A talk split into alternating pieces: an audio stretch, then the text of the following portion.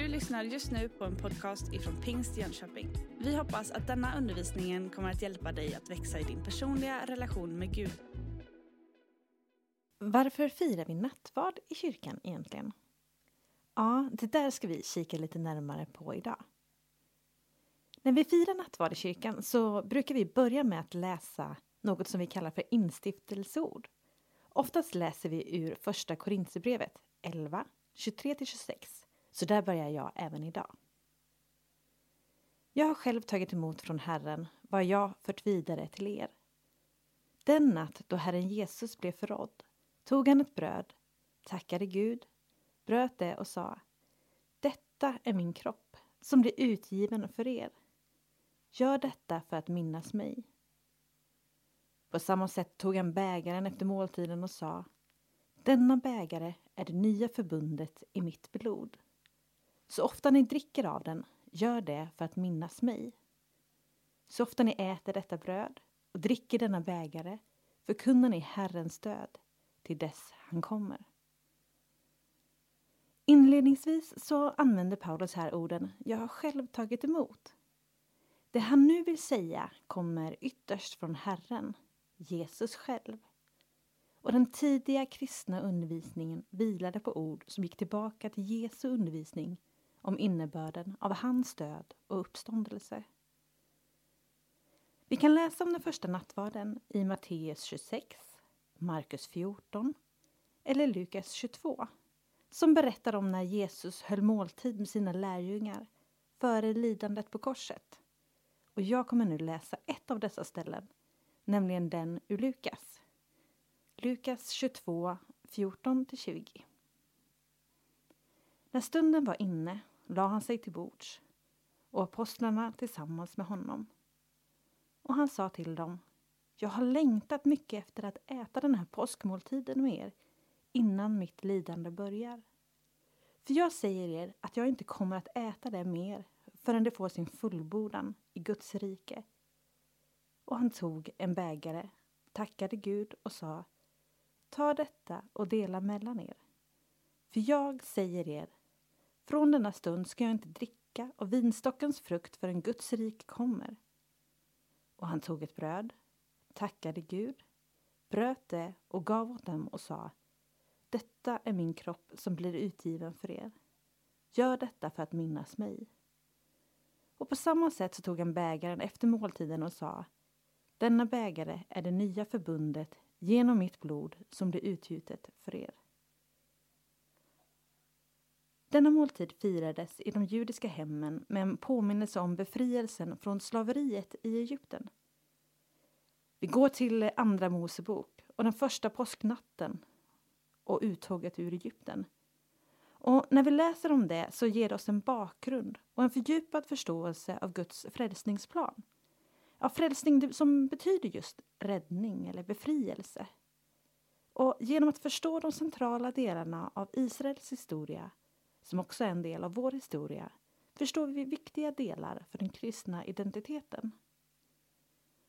Guds folk var slavar i ett främmande land och vi kan läsa om hur det innebar både folkmord och förtryck. Och Mose kallas av Gud att befria israeliterna ut ur Egypten.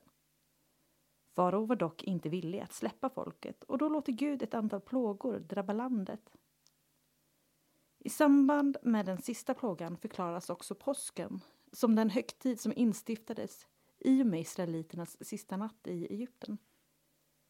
Berättelsen talar om hur Herren säger till Mar, Mose och Aron att varje familjefar ska ta ett lamm som var felfritt, slakta det och stryka blodet på husets dörrposter och tvärbjälke.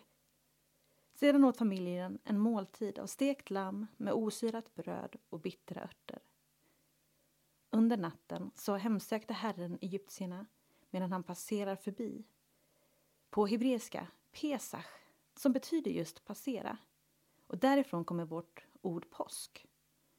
Ja, han skonade livet i varje hus med lammblod utanpå. Och lammets blod, det var tecknet på att folket i detta hus tillhörde Herren.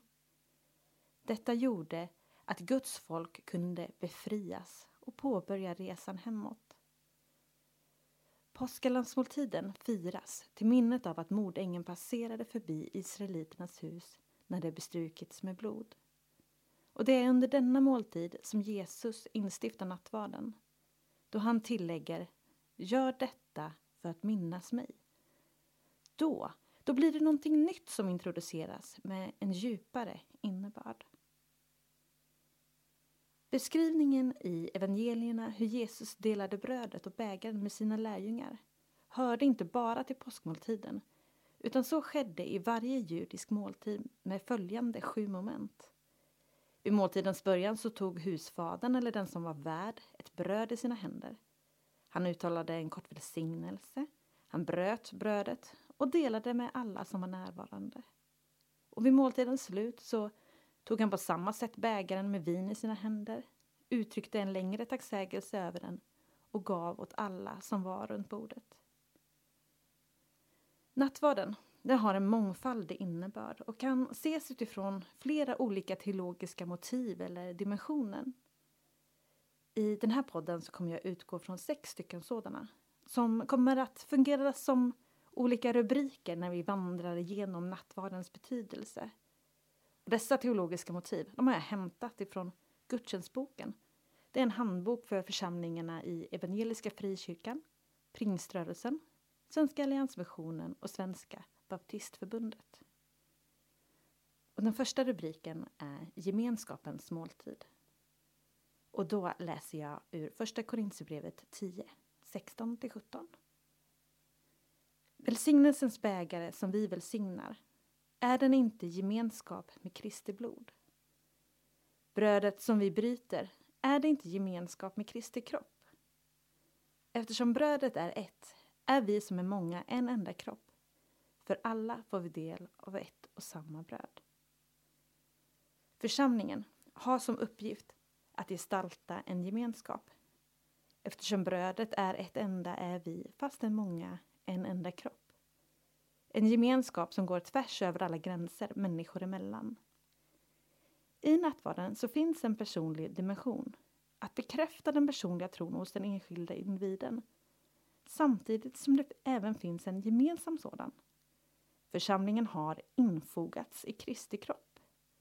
Och måltidsgemenskapen är både mellan människa och Gud och mellan människa och människa. Vi är delaktiga i varandras liv och i livet med Jesus Kristus. I delandet av ett och samma bröd är vi förenade med varandra och med honom. Nattvarden handlar därför inte bara om en inre privat erfarenhet utan det är en handling som sätter en troende i relation till andra troende och att det tillsammans utgör Kristi kropp. Gemenskapen handlar också om delaktighet. Nattvarden blir också ett uttryck för och förverkligar det troendes enhet. Att fira nattvard är att bekänna sig till varandra. Och nattvarden har en social dimension där jag är ett med andra troende Ingen, ingen lever för sin egen skull. Gemenskapen omkring en måltid är en viktig del i förståelsen av nattvarden. Att dela måltidsgemenskap med någon är att acceptera den som man delar bord med. En plats där strider och fiendeskap har brutits ner, men också sociala barriärer. Utmaningen till oss blir också att det inte bara ska vara en fin teori eller en symbol utan faktiskt också fungera i vardagen. Försoningens måltid. Jesu Kristi död och försoning gestaltas i nattvarden. Vi får möjlighet att bekänna synd och skuld och ta emot förlåtelsen. Därför så kan det kännas angeläget att i samband med nattvardsfirandet ge möjlighet till syndabekännelse och förlåtelse. Om vi bekänner våra synder är Gud trofast och rättfärdig så att han förlåter oss synderna och renar oss från all orättfärdighet, säger första Johannesbrevet 1 och 9. I Gamla testamentets offerkult så var dess uppgift i den judiska tempelgudstjänsten att förverkliga och förnya folkets gemenskap med Gud. Offren av djur pekade fram mot det slutliga och fullkomliga offret på korset och därmed mot nattvardens bröd och vin. I varje nattvard förkunnar församlingen Jesu död på Golgata för den här världens skull. Offret var inte enbart förenat med synd och lidande utan framför allt om kärlek. Så älskade Gud världen att han gav den sin enda son för att de som tror på honom inte ska gå under utan ha evigt liv, som Johannes 3.16 säger. Gud gav sitt liv av kärlek för världen. Och därför blir det varje gång vi firar nattvard en förkunnelse om Guds kärlek till mänskligheten. Nattvarden förkunnar försoningen. Precis som gemenskapsperspektivet berättar om de troendes enhet så finns en aspekt av uppfordrande och försonande människor emellan. Vi kan inte fira den om vi lever i oförsonlighet med våra församlingssyskon. Därför har exempelvis Svenska kyrkan fridshälsning där man hälsar varandra frid i samband med nattvarden. Något som inte är vanligt inom frikyrkan men ändå innehar ett starkt värde. Precis som brödet och vinet tas upp i kroppen så tar vi emot Kristi befriande nåd. Erinrandets måltid. Jesus följer traditionen vid den judiska måltiden men det finns något som är nytt i det han gör. Gör detta för att minnas mig, läste vi att Jesus sa. Nattvarden firas till minne av Jesu död och uppståndelse. Det är en ihågkomst, en plats att minnas det som vår tro faktiskt grundar sig på. Ändå så är det inte enbart en minneshögtid utan Kristus är närvarande i detta nu. Minnet, det är levande. Vi uppehåller oss inte vid det förflutna när vi firar nattvarden men samtidigt så erfar vi Guds handlande genom historien. För han som var och är och som kommer. Det finns också ett, ett kollektivt minne. Och det vi minns, det tror vi på. Och vi blir delaktiga i det vi minns. Och vi minns det mest centrala i den kristna tron, Jesu död för människans skull. Liksom påskdagen var en minnesdag som skulle påminna judarna om Guds befrielse från slaveri och förtryck så ska Herrens måltid vara en måltid som påminner oss om Guds befrielse genom Jesu död. Det nya förbundets måltid. Förbundstanken finns centralt genom hela Bibeln Jesus stadfäster genom sin död ett nytt förbund. Han sa Denna bägare är det nya förbundet i mitt blod. Evangelisten Lukas talar om en påskmåltid. Och i den judiska påskmåltiden så var lammets blod ett tecken på liv och frihet. Mot denna bakgrund så står det nya förbundet, Kristus, Guds lamm, som har utgivits för världen och i det fullbordat frälsningen. Nattvarden är en förbundsmåltid och därmed ett förbundstecken. Nattvarden är också en överlåtelsehandling som markerar att jag vill säga ja till Kristus. När jag tar emot nattvarden så finns en bekännelse, en tillhörighet.